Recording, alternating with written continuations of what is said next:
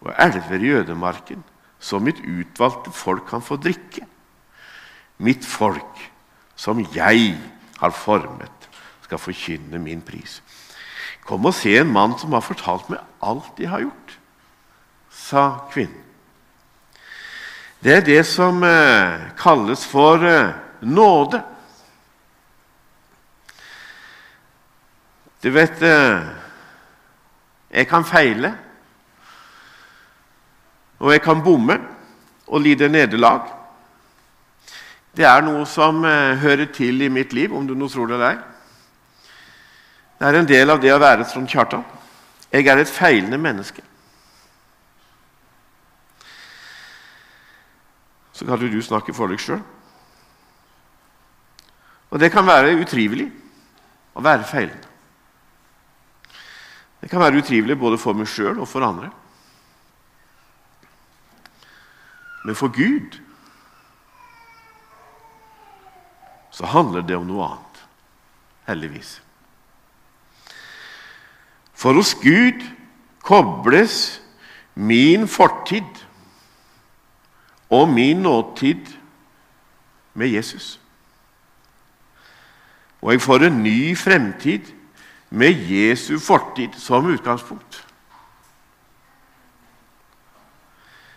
Jesus som bar alle mine synder og alle mine nederlag og alt dette her opp på korset for at jeg skulle få fremtid og håp.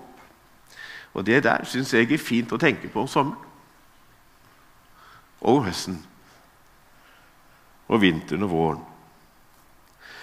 Og så er det ikke alltid at ting blir sånn som vi eh, ønsker. Eller hadde håpa på, eller Eller håpa at ting skulle bli annerledes. Eller at andre skulle forandre seg, eller videreutvikle seg. da. At det eller det skulle skje, eller Ja. Og så ble det ikke sånn. Og Det er litt som å, å miste utsikten. Det er som å gå på preikestolen, og så kommer skadda. Ikke noe vært med på det? Og på preikestolen, den, ikke, den her, men på den her fjellet inne i Forsand. Og så kommer skodda, og så tenker jeg at nå blir utsikten borte. Men det ble han jo ikke. Det bare kom noe i veien for utsikten. For utsikten er jo der. Det er bare noe som hindrer meg i å se utsikten. Og Så har jeg gjort en bestemmelse i mitt liv, og det er det at jeg ønsker å være med på det som Gud gjør. Og så har jeg erfart at skal jeg lykkes i å være der, og så må jeg eh, øve meg i på å se mindre på meg sjøl og mer etter det Gud gjør rundt meg. For som oftest når jeg mister utsikten i eget liv, så handler det om at det er min egen skygge som kommer i veien og stenger for utsikten. Og Det der kan være ganske krevende å innse. Og så er det like fantastisk å erfare at Gud liker meg allikevel. At han trives i mitt selskap. også når skyggene vises. Gud liker deg. Gud liker å være med deg. Se, jeg gjør noe nytt. Nå spirer det frem. Merker dere det ikke? Hva har Gud for oss denne høsten? Det er mange pastorer og predikanter som har det som overskrift i dag, eller disse her eh, ved oppstart. Da snakker en gjerne om dette, forståelig nok. For det er jo naturlig å, å kanskje begynne der. Og så kan vi kanskje kjenne litt, ha litt ulike forventninger til, eh, til det som ligger foran oss. Kanskje ulike håp. Kanskje en er litt spente, litt urolig. Har sendt ungene vekk for å studere eller et eller annet. Kanskje det er noe en er usikker på. Eller, ja. Og så lever vi jo i en urolig tid. Det er krig i Europa.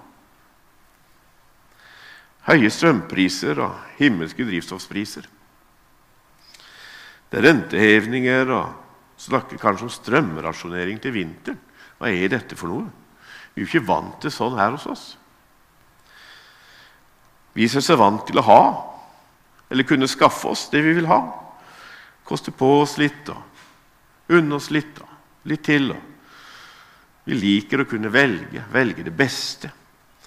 Det vi føler for, og alt dette her. Det er en del av vår frihet. Og Noen ganger så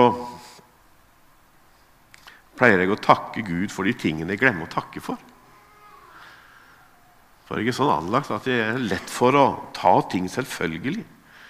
Tenk at det er vann i springen. Tenk hvis det ikke hadde vært vann i springen. Det har blitt mye springing. Vi bruker en del vann. At jeg kunne gå til tannlegen Og jeg fikk en skikkelig tannverk for noen uker siden. Heldigvis var han ikke på ferie. Ja, jeg har til og med en maskin som vasker klærne mine. Tenk det. Fantastisk ting. Hva vil høsten bringe? Så tenkte jeg på hva er det som skjer når det blir stille rundt bordet hjemme hos deg? Eller det blir stille rundt bordet på jobb eller noe sånt. Hva er, det, hva er foranledningen til at det blir stille rundt bordet? Det kan jo være flere ting, selvsagt. Det kan være fordi at noen har stilt et kontroversielt spørsmål. Eller det kan være fordi at en, kanskje en hemmelighet har blitt avslørt. Eller det faller en uh, fornærmende kommentar. Kan jo hende det skjer. Eller det oppstår et, et pinlig øyeblikk, og så blir det stille. I Johannes evangeliet, kapittel 21, så leser vi om en sånn situasjon. For der står Da de var ferdig med måltidet, sier Jesus til Simon Peter. Simon, sønn av Johannes, elsker du meg mer enn disse andre her? Kan du høre stillheten? Det er jo litt av et spørsmål. Elsker du meg? Ja, det er for så vidt greit. Men elsker du meg mer enn disse andre her? Når disse andre sitter og hører på? Hva skal han svare på sånn, da?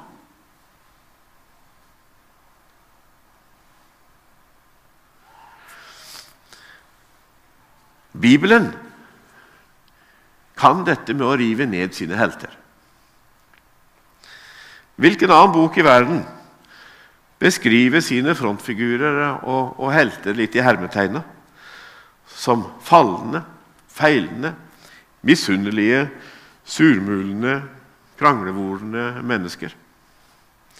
De driver hor, de slår, de dreper, de mister motet. Selvsikre blir hovmodige, de glemmer Gud.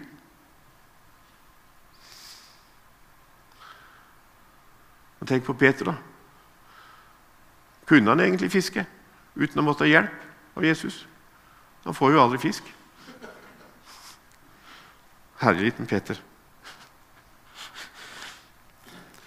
Bibelen er brutalt ærlig.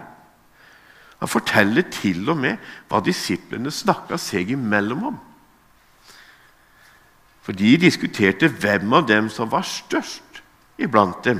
Det er litt av et referat fra et ledermøte.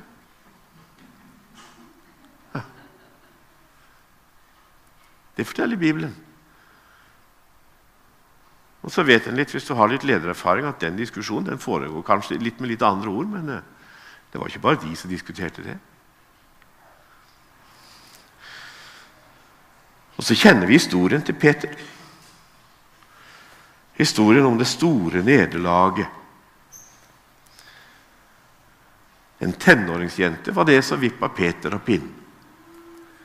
Så fikk han til å si det han aldri skulle si, og gjøre det som han aldri skulle gjøre.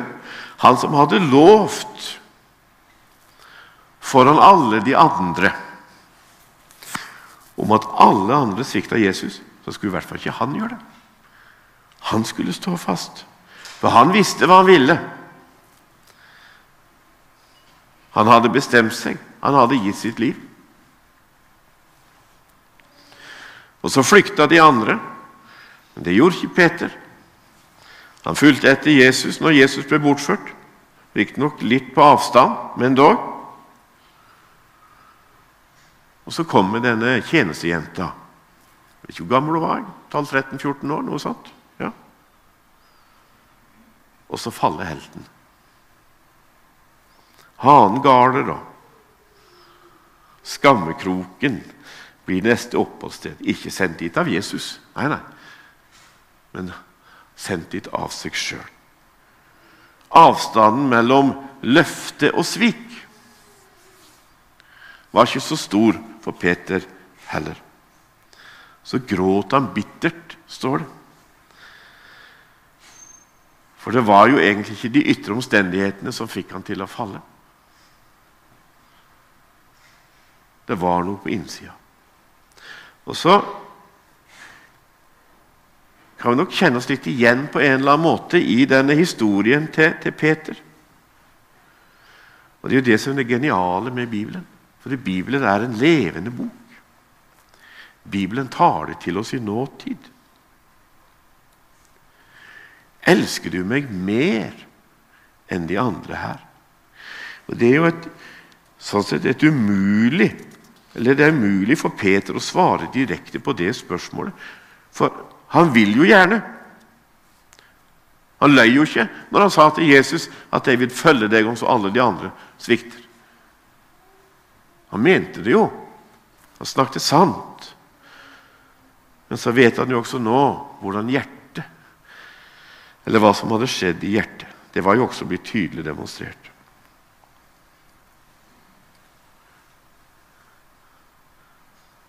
Og siden vi har besøk av Åpne dører her i dag da.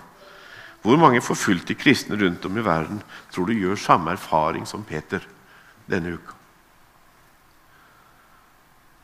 Ganske mange. Veldig mange. Og hva er det de trenger? Jo, de trenger medkristne som kjenner Guds nåde i sitt eget hjerte, og har hjertet som er stort nok til å møte dem når sviket har vært der. Hvor mange mennesker rundt oss ikke gjort samme erfaring som Peter? Hva er det de trenger? Jo, de trenger kristne som kjenner Guds nåde, og så kjenne sitt eget hjerte, og har et hjerte som er stort nok til å møte dem med den samme nåde som de sjøl har fått. Og jeg er så dypt takknemlig for at disse historiene står i Bibelen. Tenk om de ikke hadde stått der. Tenk om det bare hadde vært eh, seiershistoriene heltene. Jeg hadde ikke passa inn i fortellingen. Men historien står der, heldigvis. Og da er det også plass for meg i den historien. Det er liksom sånn når vi står og synger den flotte sangen vet du, Alt for Jesu fot jeg legger. Alt hva jeg her kaller mitt. En fantastisk sang. Og en vil jo så gjerne. Men så vet de jo i hjertet mitt at dette alt har noen eh, begrensninger. For det er så radikalt hvis jeg skulle følge det fullt ut. Og Så trenger det ikke være sånn dramatiske ting, men eh, vi vet jo litt av hvert hva som foregår på innsiden, både i hodet og hjertet vårt når vi møter mennesker eller ser på TV eller er på dataskjermen eller eh, sant? Det er gjerne ikke alltid den indre historien passer med det vi skulle ønske var den ytre historien. Og så er vi gjerne veldig takknemlige for at Gud ikke sladrer. Han som ser på innsiden. Og etter er Peters historie som står her i Bibelen, og ikke min historie.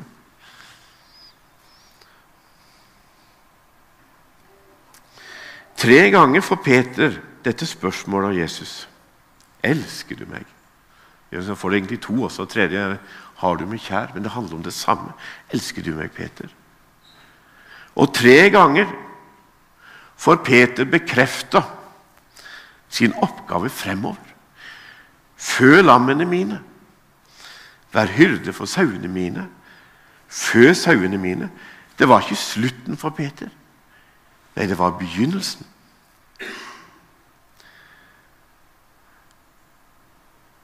Og Nå skal jeg si noe viktig. Det er aldri syndene dine som holder det borte fra Jesus. Det er alltid skammen over syndene dine som holder deg borte fra fellesskapet med Jesus. Skammen som sier 'Men du lovte jo'.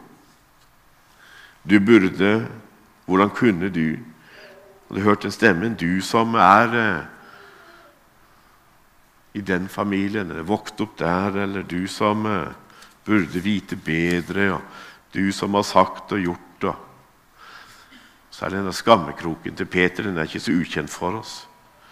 Og så vet vi òg som Peter at å sitte der, det er lite konstruktivt. Og På denne måten så forteller Jesus oss at kristent liv og også kristent lederskap det bygger ikke på dyktighet.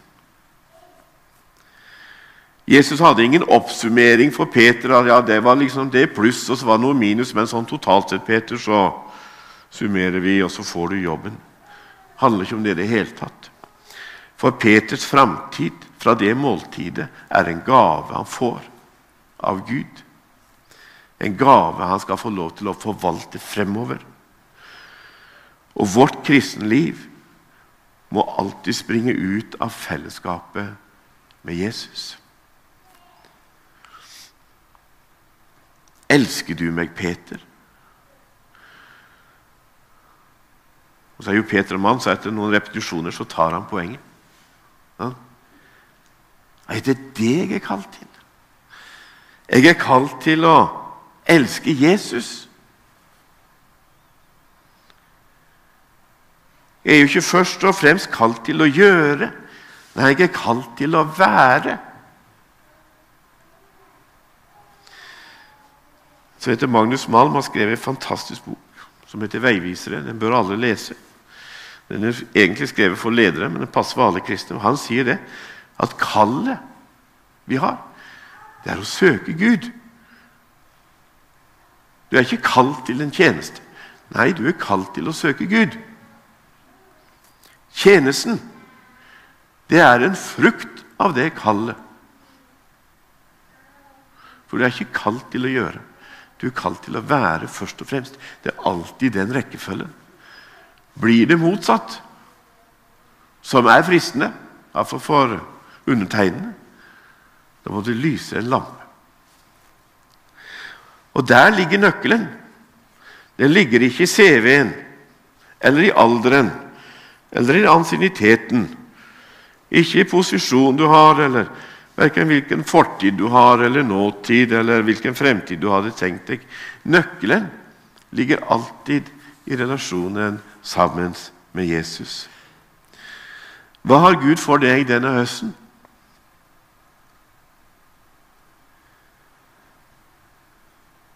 Broder Andreas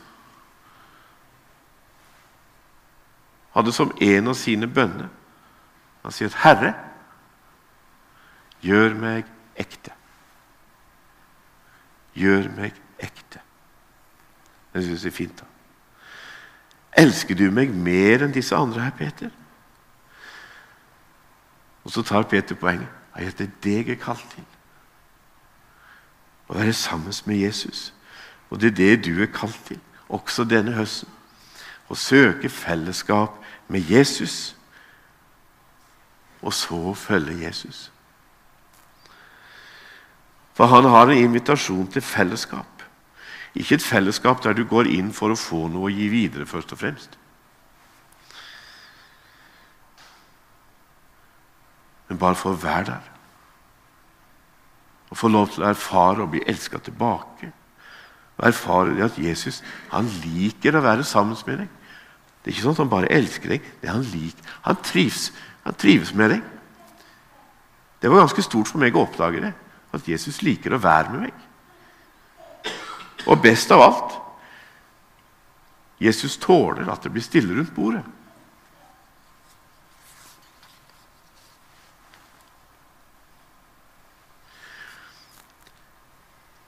Mange av samaritanerne fra denne byen kom til tro på Jesus på grunn av kvinnens ord da hun vitnet. Han har fortalt meg alt jeg har gjort. Nå kom de til ham og ba ham bli hos dem, og han ble der to dager. Mange flere kom til tro da de fikk høre hans eget ord, og de sa til kvinnen.: Nå tror vi ikke lenger bare på grunn av det du sa. Vi har selv hørt ham, og vi vet at han er han virkelig er verdens frelser. Vi vil gjøre mennesker til nære venner av Jesus. Det er overskriften på en måte for Nordkirken Ålgård. Det er der vi ønsker å være. Og skal vi vise menneskene rundt oss Jesus, så er vi nødt til å være i den relasjonen, så vi kan lede dem inn der, sånn at de selv kan få erfare fellesskapet med Jesus.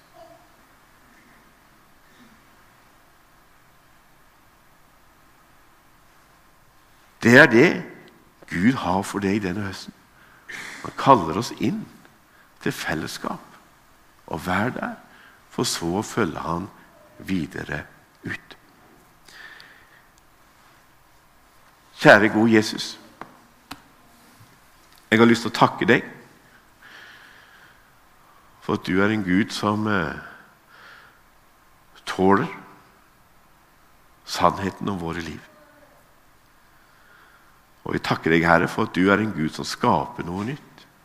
Du har ikke bare skapt noe, men du stadig skaper nye ting. Og Så ser du våre liv. Du ser hvor vi er her.